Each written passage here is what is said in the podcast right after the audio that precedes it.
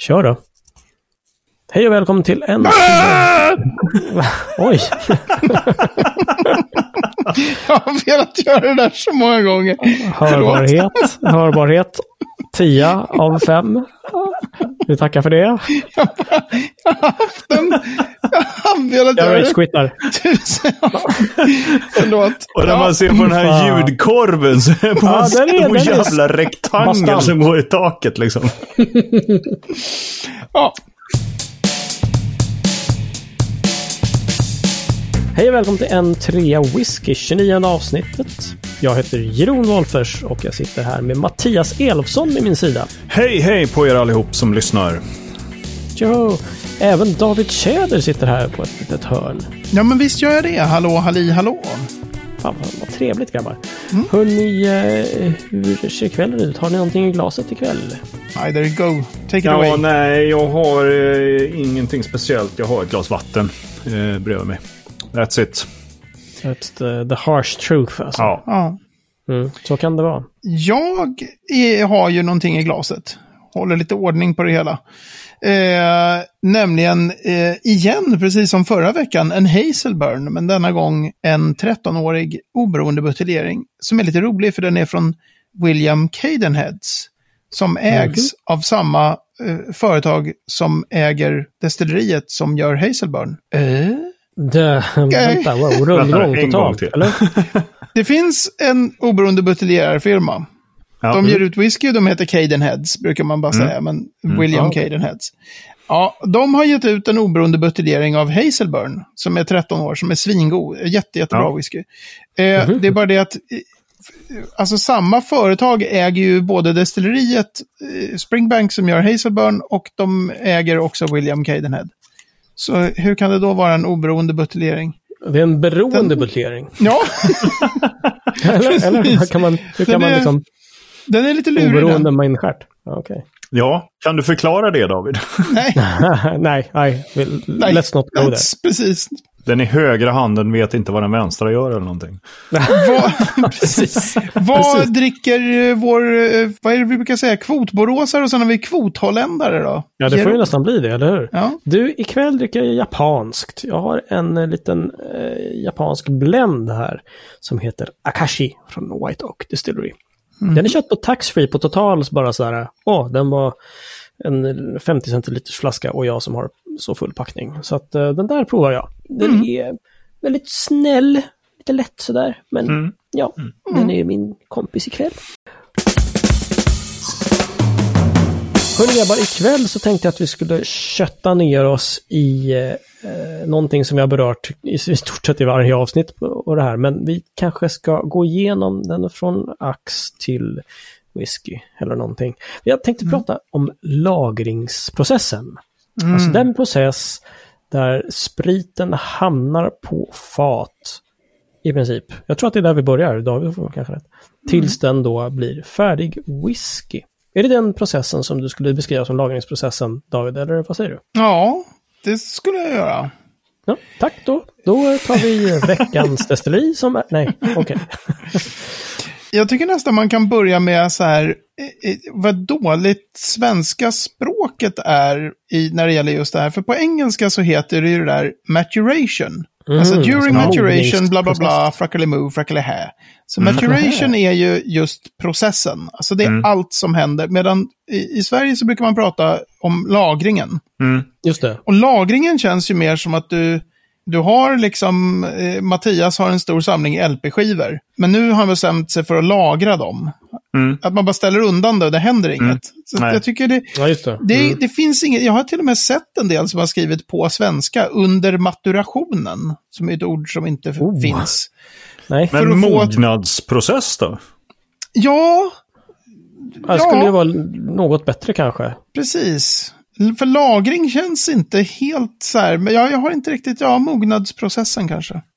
Men i alla fall, eh, alltså det, som, det är ju massor saker som händer under lagringen. Och eh, det är ju synd eftersom Newmake är så gott, eller vad säger du Mattias?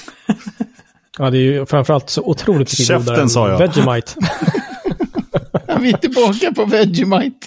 Det är Åh. det, vi, har en ny, vi har en ny sån här återkommande. Vegemite har jag ingen åsikt om, men Marmite däremot, det är... Mm. That's the shit. Jaha. Ja, jag håller med. Det är verkligen shit. ja. Okej, let's not. Nej men alltså, men så här, alltså det- som, som fylls på fat, New Make, råspriten, den är ju helt genomskinlig, ser ut som vatten. Mm. Och den håller nästan alltid 63,5 procent. Man vattnar ner den till 63,5 procent. Och sen så häller man det där på fat och i nio fall av tio kanske så häller man den på en bourbon barrel numera. Ja. Mm, Alltså bourbon barrels är liksom eh, den skotska whiskyindustrins, det är standardfatet. Just det. Mm. Eh, och så kan man ju hälla det i, i massor andra olika slags fat också. Det händer andra grejer. Men, men eh, nu viftar Mattias redan här. Ja, här blir- jag måste innan du går vidare. Du säger bourbon barrels. Innebär det här då att jänkarna håller på och gör en jävla massa bourbon och sen skeppar de iväg alla sina fat till Skottland? Ja, Vad använder jänkarna för fat då? Är det ny, äh, ny, ny ek de? ny ek, måste, precis. det måste Alltså, ju vara de, ny ek va? Det är ju en, en av bourbonreglerna va? har jag för mig. Precis, bourbon Men måste- Det måste vara nya fat. ja, bourbon Ah. får bara lagras eh, på nya kolade fat. Så Mm. de, de eh, De lever i symbios alltså helt, helt enkelt. Precis, det är ju ganska piffigt det där. För att eh, de kan bara använda fatet en gång. Ja. Eh, och Ja, fatet, så då snackar vi alltså, bourbon är, är ju en gigantoindustri. Så att de Mhm. har ju fruktansvärt mycket fat. Mm. Mm. Eh, så det, och då köps de till eh, bra priser av den skotska whiskyindustrin. Okej. Eh, vi pratade förra avsnittet en del om Beam Suntory. Alltså det finns ju även jättemånga, även Diageo och sådär äger ju dessutom destillerier som gör bourbon i USA. Ja, ja. Så att det Mm, blir right, det är en ganska bra... jag tror inte de säljer så dyrt då, om man säger Nej, så. nej, det är mer nej. förflyttningar inom företaget. Ja. Som du säger, vänstra handen säljer till den högra. Typ. Ja, men precis. Ja, schysst. Eh, men då Okej. brukar man, och jag tycker egentligen att det är lite problematiskt, men vi kan börja där. Så man brukar prata om att det finns i lagringsprocessen tre olika eh, bitar. Och det ena är då subtraktiv lagring. Subtraktion, det tar bort, alltså trät eh, och Mhm. eken och det här kol, det kolade lagret då, eller det rostade lagret av ek, funkar som ett slags filter som tar bort saker ur newmaken som man inte vill ska vara i whiskyn. Mm. Okej. Eh, Okej. Så det, det är liksom saker som försvinner kan man säga. det som ja. tas bort. Sen så bidrar faten också med det som då heter additativ lagring. Det är allting som fanns Läggs till då. i eken och som läggs till till spriten. Mm. Eh, och sen så kanske den sista brukar kallas för interaktiv, additativ, subtraktiv och interaktiv. Jag, jag får för mig att det är något, något annat ord än interaktiv lagring. Men det är alltså då att det, att det händer. Reaktiv? Reaktiv? Ja, nej. Nej. Ja, Men det är alltså att det finns saker i, i spriten som reagerar med sånt som finns i eken och så bildas nya ämnen. Mm. Så att om man, den här klassiska som vi tjatar om ibland, man kan alltid säga att, att en whisky doftar vanilj. Om man känner sig så här lite osäker vid en whisky. Man kan alltid säga vanilj, för det finns ingen whisky på planeten som inte har någon vanilj i sig.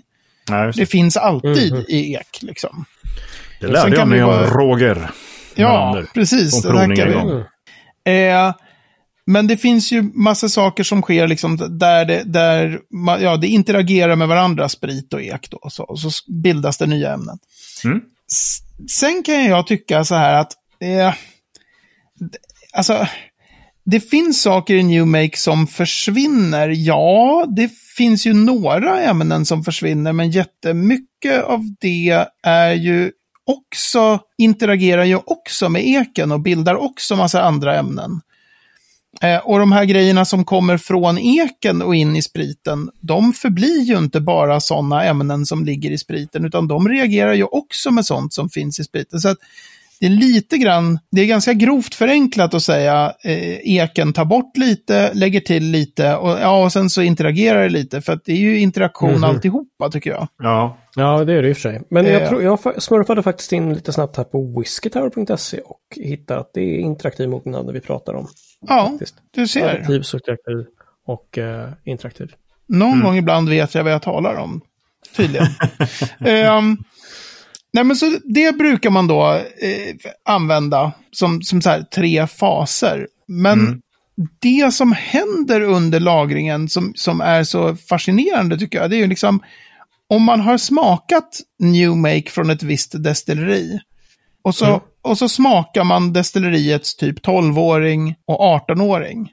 Och så tänker vi oss att det här är orökig whisky. Mm. För röken kan man ju säga, ja det är rökig New Make liksom, och det är rökig Ja. whisky. Så här. Det, det, den det. hänger ju kvar så. Mm. Mhm. Det är sjukt svårt att se eh, varför whiskyn smakar så här efter 12 år och sen så där efter 18 år utifrån New Make.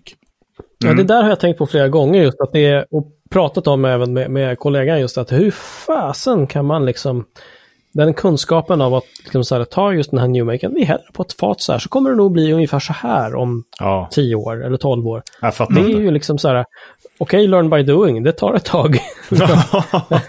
Ja, Men det är Vi får se om tio år om vi hade rätt.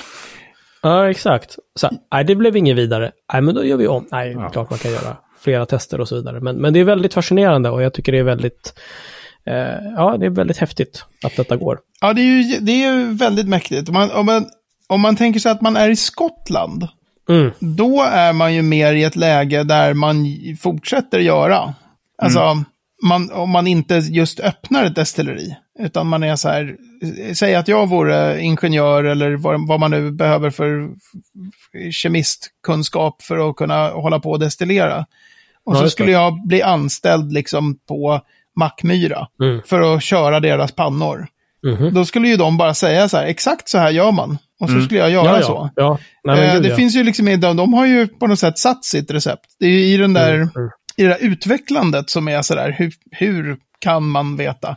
Och ibland vet man ju inte. Alltså ibland blir det ju sådär, ehm, det finns ju verkligen whisky som är så här, ja men från det där destilleriet, de är inte kul förrän de blir 15 år. Nej. Och de Nej, här okej, hade just det. säkert jättemycket angst och smärtsen i början och bara, det här blir inget bra. Nej. Just till och med i vissa fall av de här nedlagda destillerierna så är det ju så här, de var inte eh, uppskattade kul, liksom. när de var igång. Och sen blev ju whiskyn gammal för de lades ner och alla bara oj, men det är ju, de gjorde ju bra whisky. Men du David, har du någon gång, eh, du som ju är så knäpp så att du dricker New Make, har du någon gång druckit en New Make eh, och sen i samma veva liksom druckit den färdiga whiskyn? Och kan du då liksom känna på whiskyn att det finns smaker här som jag kände i New Maken? Jo, alltså man, jag kan känna typ så här, jag, jag anar att det finns en släktskap. Ja. Ehm, så här, om, om den är, alltså New Make är ju väldigt ofta fruktig. Mm. Men det är väldigt specifika frukter, de brukar dofta otroligt mycket päron. Mm, mm. Eh, och det brukar man inte kanske hitta jättemycket i, i, alla fall inte i 18-årig whisky, så här, lite så här päronjuicekoncentrat. Ja, just det. Eh, men man kan känna att så här, den här drar åt det fruktiga hållet. Mm. Eh, så det, det kan jag, men så fick jag smaka Craigellachys New Make. Och Craigellachie är en så här brutalsvavlig, fantastisk whisky. Mm. Det är liksom motorolja och, och krut och alltså den är ju så brutal. Eh, Ja, men just det är där, det är väldigt svårt att beskriva deras svavliga toner. Det är liksom, du är på ett ungerskt bad, de här. Ja, ja, ja. Eh, det, är liksom, fast ta bort fis-delen av svavlet. Alltså ja, det är jättesvårt. att det, det är lite så här isländskt baddrum annars. Ja, eller Det bara liksom luktar bara... äggmök hela Ja. tiden. Nej, men mer, mer otända tändstickor kanske. Men, så jag tänkte Mm, det så här, mm. nu ska jag få prova Craigellachys New Make. Det kommer vara så brutalsvavligt så det bara finns inte. Det var bara hur fruktigt som helst. Man Okej. bara, eh, Jaha, va? jaha, okej.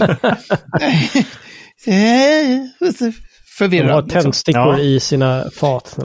Men så det, det är, man kan ibland ana eh, någon släktskap. Det, det kan man faktiskt. Jag har varit på en sån här blindprovning med olika New Make när jag visste att den hölls av en person, den hölls av en person från Diageo. Mm. Och då tänker man att de kommer inte ta sina minst kända destillerier. Och så fick vi prova New Make och så fick vi gissa. Och då gissade jag faktiskt ett par rätt. Ja, okej. Eh, så, Mhm. för att jag tänkte ungefär vilka destillerier skulle de ha ungefär. Så att lite koppling finns det ju. Mm. Men det fascinerande tycker jag med, med, med lagring, det är ju att du kan ha ett fat som nu, ja, eftersom jag har en hel del fat på olika destillerier så beställer man eh, samples från de här faten. Det är liksom inte en, hur ska man säga, det är inte en process som börjar på punkt A för att röra sig mot punkt B och så kan man dra som en rak linje. Det är inte en linjär process. Ja, den är precis. Tjena. Den kanske Så är bra på det här mer- med språket idag. Den kanske är mer logaritmisk alltså. Ja, men den är, ja, eller den är snarare så här. Exponentiell. Ja, inte det heller. Den är, den är, den är haphazard. Nej, men ett fat kan vara... Du kan prova det om man tar sådana här privatfat som är små då, så att det går fort. Eftersom det är mycket ek så går ju lagringen, lagringsprocessen eller mognadsprocessen mycket fortare i små fat. Så kan Ja, du prova det när den är typ tre år. Och tycka så här, ja men den, den, den har de här och de här och de här egenskaperna. Mhm. Den här, eh, och, och det är ju den biten där jag som amatör bara, jag kan ju inte, bara tänka så här, den här behöver nog bara typ ett år eller ett halvår till. Så, här. så provar man den ett år senare. Och så är det så här, fan den var bättre för ett år sedan. Nej. Och så provar man den damn. ett år senare och då är den bättre än vad den var vid någon av de båda tillfällena. Så att det är inte liksom en, även fat Oh. kan ha så här dippar. Ja, Man, du, plockade ditt exempel på liksom under en dålig period i dess utveckling. Och det antar jag att det är så här vissa kemiska processer som är så här just nu håller den på och gnuggar fram massor häffelifluff, säfflifluff-syra. ja. Eh, och det är Okej. jättemärkligt. Alltså att, man, att det kan verkligen vara så här, inte liksom, jag har inte varit med om att, men nu är den ju jättedålig. Men just den här, det är inte alltid så att ett fat blir bättre och bättre.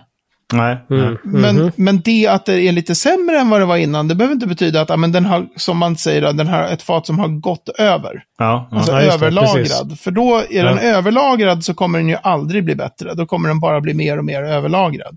Det måste ju vara skräcken när man liksom får ett sample från ett fat som är åtta år. Och så bara, ah, kanske, det kan, låter bli, vi låter det bli nio. Och sen så bara, nej, nu, nu var det inget bra Nu längre. var det inget bra längre. Jag tänker mig mer, med, med överlagrad, om man tar typ vanliga normalstora fat. Då tänker jag att man, man behöver nog vara förbi 20 i alla fall.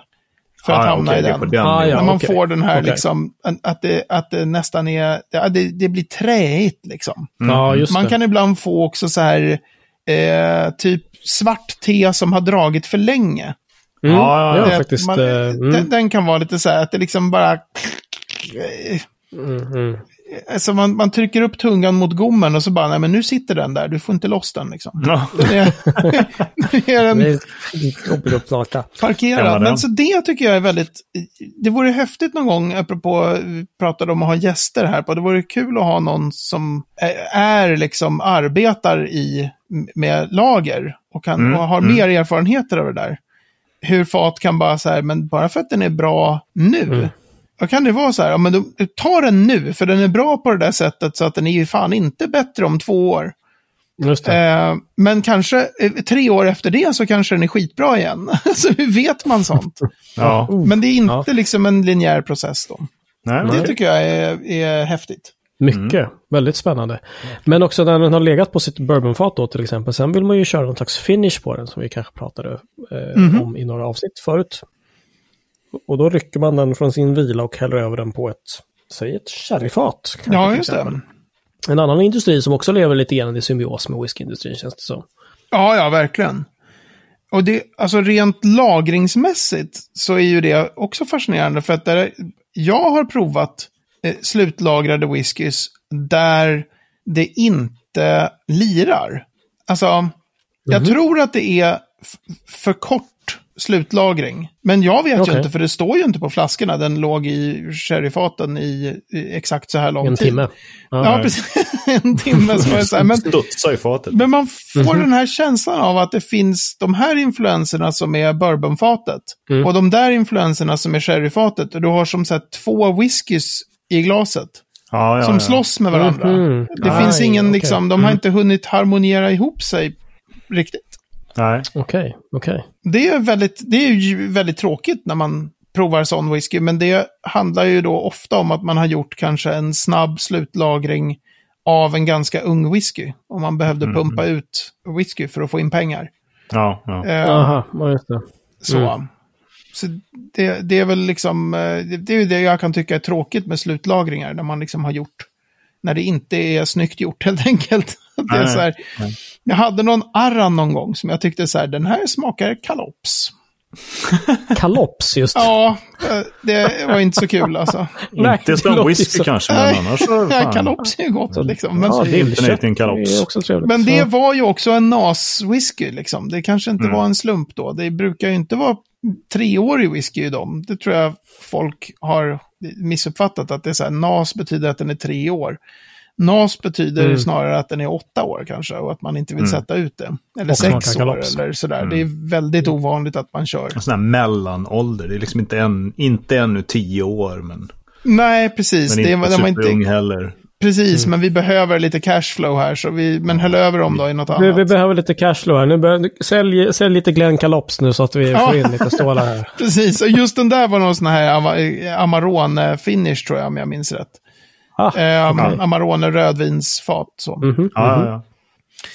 Eh, men så lagringsprocessen är ju, jag menar vi kan säkert fylla 18 avsnitt eh, kring den. Men eh, det är ju häftigt just det där hur, hur någonting kan vara väldigt dominerande vid en viss ålder. Och sen kan det, typ, ja men det finns kvar lite grann, men nu har det ju kommit, eh, och då är det inte heller så här, ja efter x antal år, då dyker alltid de här grejerna upp. Tutti Ja, just det. Frutti finns bara från 14 år och uppåt, utan det är ju väldigt liksom beroende på destilleri och även beroende på varje individuellt fat som ju utvecklar sig olika liksom. Om man då ska sammanfatta det här, kan man då säga att den mognadsprocessen är tre processer som pågår hela tiden samtidigt? De här subtraherande, adderande och Interaktiva. Jag- interaktiva. Jag tror att de som brukar prata om dem brukar mer se det som att det här subtraktiva biten är ganska mycket i början. Mm, mm. Och det additativa är också ganska mycket i början. För det, sen efter en viss tid så har ju eken fortsätter inte släppa ifrån sig massa nya ämnen. Nej. Eh, så jag tror att de är nog mer så här, eh, en del saker eh, försvinner ut ur Newmaken, vi snackar ett år eller två. Och en del Mm, saker läggs till spriten och också så här ett år eller två. Och sen kommer allt det här. Det är dessutom Sen händer det massa- grejer. Ja, men och det är dessutom så att så fort nivån på fatet, eh, så att det finns liksom luft, ett luftlager där, när det börjar bli mindre i fatet, för det dunstar ju. Mm. Då sker ju jättemycket kemiska processer också med luft. Så det är massor med oxideringseffekter också. Ja, ja. Mm. Så det är inte bara ek som, som spriten eller whiskyn då interagerar med, utan det är även luft.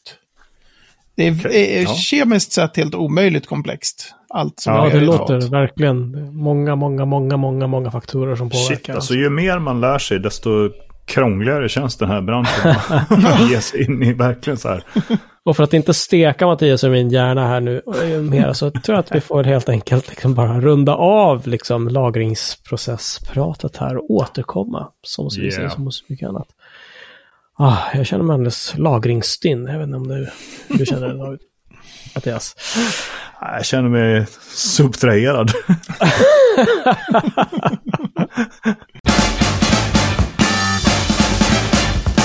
Yes hörni, då är det dags för veckans ord och det tar lite vid det vi pratade om tidigare här om lagring. För veckans ord är nämligen Mathieu. Det är ordet cherry. Ja. Hej hej hej. Sug på den du, David. Ja, alltså det, det, det, här ska vi nog, det, man, det här kan vara fyra avsnitt om jag hade läst på mer. Men man kan också göra det ganska, ganska snabbt. Ja. Alltså, Jag tror vi får köra kortvarianten. Eh, Sherry är ett fortifierat vin som görs i Spanien och som bara får göras i en väldigt specifik geografisk eh, region i Spanien. Och Mm. fortifierat är det ju för att man... Ah.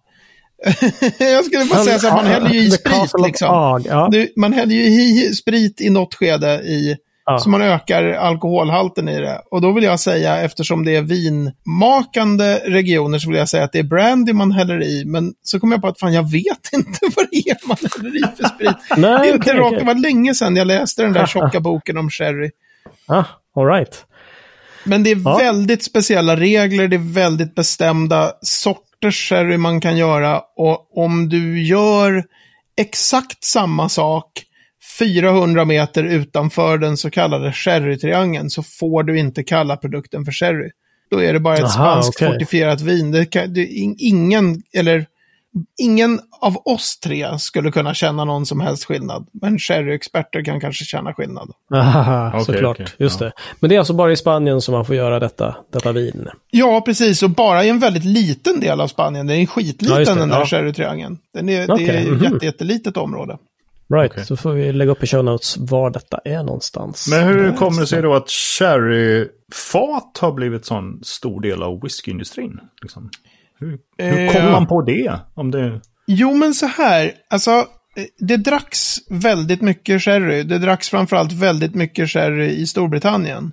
Mm, mm. Eh, Mm, och då ja. gjorde de, det är väldigt speciella fat som man använder för sherry. Och eh, sen så skulle, när, när sherryproducenterna var så här, ja men nu ska vi skeppa eh, sherry till England eller till Skottland för att vi säljer så mycket där. Eh, då fyllde man på sherryn i ett ganska nytt aktivt fat. Som det Mm. skulle hända mycket med sherryn på vägen för att det var en sån här style som de gillade i Storbritannien.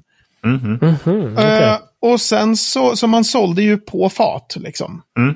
Och Right. så sitter de där och bara, nu har vi tömt det här fatet. Nu står det här och möglar. Därför att Mm. sherry, sherryfat börjar mögla om, de inte, om man inte gör någonting Mhm. med det. Okej. Eh, Precis som rödvinsfat. De är, det är så låg eh, alkoholhalt i, i faten så det, Ja, ja, de såklart. börjar stinka liksom.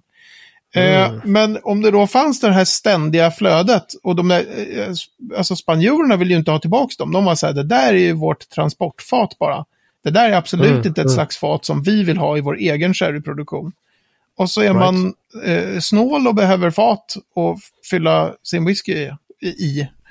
Det fanns sherryfat. Ja, okej. Och det, Det, det var så liksom. Det var en helt sådär bara, vi, vi tar vad vi har. Fan, Ja, det var det som fanns. Och hoppar du tillbaks till liksom 1890-talet, vad jag har förstått, så var det ju liksom 99% av all whisky fylldes ju på sherryfat. Det fanns ju ingen Okej. bourbon, alltså det fanns inget sån utbyte med bourbonfat då. Nej, nej. Mhm. Så all tra alltså traditionell för länge sedan whisky eh, lagrades på sherryfat. Men hur, skulle det, alltså hur smakar det då, tänkte jag säga, om man kör ett sherryfat från början? Är det någon som gör det idag också? Ja, ja, det det bara- finns massor med sherrylagrad whisky som är, som är sherryfat från början. Absolut. Ah, Okej, okej. Det, det, det finns ju mycket som är sån här sherry finish, men alla de här, Ja. den där vi pratade om Mattias, så det är Tamdo Batch Strength. Ja, just det. Mm. Den är ju bara, alltså eh, de här stora sherrybombs-destillerierna, alltså nu har ju Tamdo blivit en, en spelare i den, men Tamdo och Aberlour och Glengoyne och Macallan kör ju mycket andra, alltså de kör mycket bourbonfat också nu, men traditionellt sett. De har Okej. ju bara använt liksom sherryfat. Ah, ja, That's right, it. right. Ehm, De kör old school helt enkelt. ja, Ja. precis. Mm. Ehm, Intressant. Vad spännande. Mm. Men Cherry har jag sett, ja precis, okej, det lagras ju ofta i så Solera-system, har jag för mig. Mhm. Att det är eh, basically ett jätte, jättestort fat som man häller i, eh, som man fyller på kontinuerligt. Ja, eller så här, själva soleran. Det är, Mm. du har liksom som eh, fat, i, i princip så fyller man på så att det är, eh, det, soleran är egentligen det understa lagret av fat i eh, så här, där du tömmer din sherry ifrån.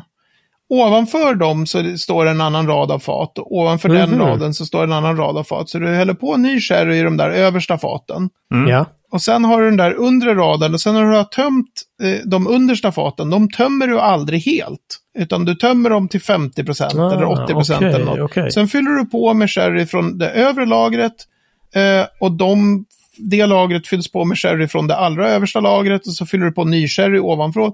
Så att det är aldrig, Mhm, man kan aldrig i ett sånt system säga så här, den här sherryn lades på fat 1986. Nej, det är alltid Okej, en aha. blandning av vintages liksom. Mm. Ja, okej. I Ja, ett sånt här right. Solera-system. Så att det, det är bara en annat, ett annat sätt att, eh, att lagra. Lagra. Man inte Ja. tömmer fat helt. Så då kan man ändå säga att ja, men någon droppe i den där sherryn som du dricker, om de har lagrat på det sättet, är ju liksom hundra år gammal. Ja. Aha, ja, ja, Teoretiskt det. sett så har det Ja, liksom, ja, ja. någon droppe har väl hängt kvar från liksom. Mm, mm. Just det. Men du, David, har du druckit någon sherry i, i, vanlig ordning? Ja, jag gjorde något ryck för massor med år sedan och, och köpte och samplade upp eh, de stora sorterna. Alltså PX, Amontillado, Palo Cortado. Ska vi se om jag klarar alla nu. PX, Amontillado, Palo Cortado, Fino, Oloroso. Det är de fem. För jag Ja, var så här, jag vill fatta Mm, skillnaden mm. mellan olika sorters sherry och vad de kan ge och sådär. Men det. nästan all eh, whisky är ju lagrad på Oloroso-fat eller ibland då på PX-fat. Så att det är jätteovanligt det. med Amontillado eller Palo Cortado. Så. Okej, det, okej. det var ju svårt att dricka sherry. Ja, det är, för det är, min, det är min upplevelse också. Jag har nog lite amontillado som står här uppe och det är ju... Ja, det är liksom, det är lite konstigt tycker jag. Det är liksom som ett vin, det är lite starkare så då är det antagligen fortifierat. Men det är väldigt lite sötma och ja. Ja, alltså det, det är lurigt också för att man vet inte riktigt hur man... Jag läste ju en hel bok om sherry. Mm. För att fatta det här. Och då hade jag kunnat säga mer säkert att det är brandy man fortifierar med och sådär. Okej. Ehm, och de görs på lite olika sätt, de där fem sorterna. Då. Men, men där var det ju, man läste den boken var det väldigt tydligt att så här, det är ju väldigt specifika temperaturer du ska ha. Du ska ha ett speciellt glas, du ska hälla upp den på ett speciellt sätt så det luftas på ett speciellt sätt. Och du ska, alltså det är ju Just det. lite som att om man aldrig har druckit rödvin i hela Mm. sitt liv. just Och det. så skulle man smaka det, då skulle man nog tycka att det här är ju ganska weird. Just det. Så jag känner Ja, jag lite grann så här att- man, jag provade det där. Mm. Den flaskan som var dyr var ju jättegod. Men, Ja, okej. Så att jag köpte ju heller inte så här fin sherry. Ja, Utan jag tog ju någon sån här och sen så fanns det ingen eh, vettig, alltså jag tror inte det fanns någon PX, utan jag, då fick jag beställa någon som var en gammal PX sherry. Den var ju skitgod. Ja, okej. Det är Ah, klart, okej. hade jag ju beställt motsvarande famous grouse liksom, i alla de andra kategorierna. Så att det Ah, kanske okej. inte var så konstigt. Just det. Just det. Ja, spännande. Det är klart intressant och eh, mm, kan få köpa ett sample sherry av någon kanske. Lära sig mera. Då är det dags för veckans destilleri och det här är ju lite av en någon slags tungvrickare på något sätt eh, Mattias. Så jag överlåter den till dig. Ja, tack för det nu. Eh, vi eh, tar oss till eh, Frankrike tror jag och ett destilleri som kanske uttalas Glen Armor. Ah, bah, j'en sais rien, moi. ça- Ah, mais c'est ça. Donc, ce serait trois minutes en français. Eh, Et ce Ah oui, serait très bien parce que je ne sais pas comment... euh, Nej, men så här.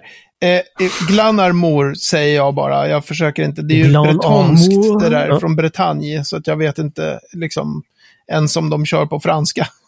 Nej. Alltså de pratar ju franska förstås. Eh, Glan Armour eh, är ett av få, väldigt få eh, franska destillerier som kör med traditionella kopparpannor. Alltså likadana som i skotsk whiskyindustri. Mm. Det är en väldigt, alltså det var, det grundades av ett, av ett par som heter, de heter Jean och Marie Donnet. Eh, och de kör med sådana här direkteldade pannor som jag tror att vi kan ha pratat om på den här podden någon gång. Annars så ska vi göra det. Eh, det är väldigt speciellt och ovanligt numera. Mm. Och så har de mina de här älskade Wormtubs. Så att han är, det är ju framförallt han som är den som är ansiktet utåt för destilleriet. Och, och väldigt, väldigt traditionalistisk. Alltså att bygga ett destilleri i modern tid med direkteldade pannor, det är, det är att vara så här, det var bättre före 1965. Jaha, Eh, okej.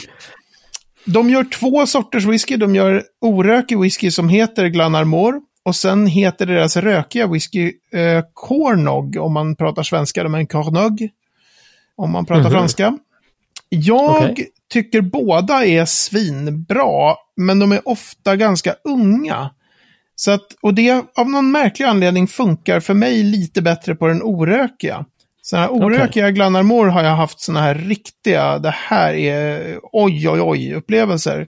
Mm. Mm. Cornog har jag haft så här, men det här är en riktigt bra rökig whisky, bra. Liksom. Mm. Men jag har inte haft de här monsterupplevelserna. Ehm, Hur länge kan de ha varit igång då?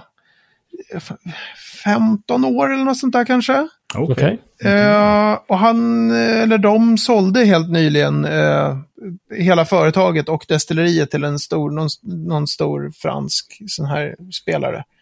På, Ah, som jag okej. inte vet vilka det var. men han skulle vara kvar och, och eh, som det heter, så här, oversee production. Alltså att se till att man gör på samma sätt och lära dem liksom hur, hur han har gjort. Okej, okay. men de ska fortsätta att producera whisky helt enkelt? Ja, precis. Och de är ju lite till åren komna nu, Jean-Marie Donnet. Men de har ju jättelänge haft det här destilleriet på Ayla på gång som heter Gartbreck. Som, mm -hmm. de, har, som mm -hmm. de annonserade planer för för liksom 6-7 år sedan nu. Och okay. nu är ju alla så här, ja men nu har de fått in skitmycket pengar. Ska de försöka dra liv i det här Gartbreck eller är det gött pensionärsliv som gäller? Och det har de inte. Mm. De har liksom varit otydliga i, de har inte sagt det ena eller andra där. Oh, tre minuter!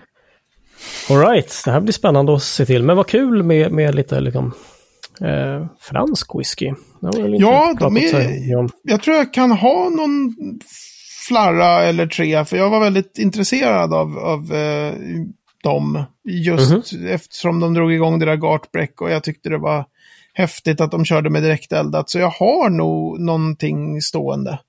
Kul. Här någonstans i skåpen. Ska vi kan vi smaka på? Ja, men absolut. Det tar vi ja, nästa gång vi ses helt enkelt. Så rycker ja. vi folien av en Cornog eller Glanarmor.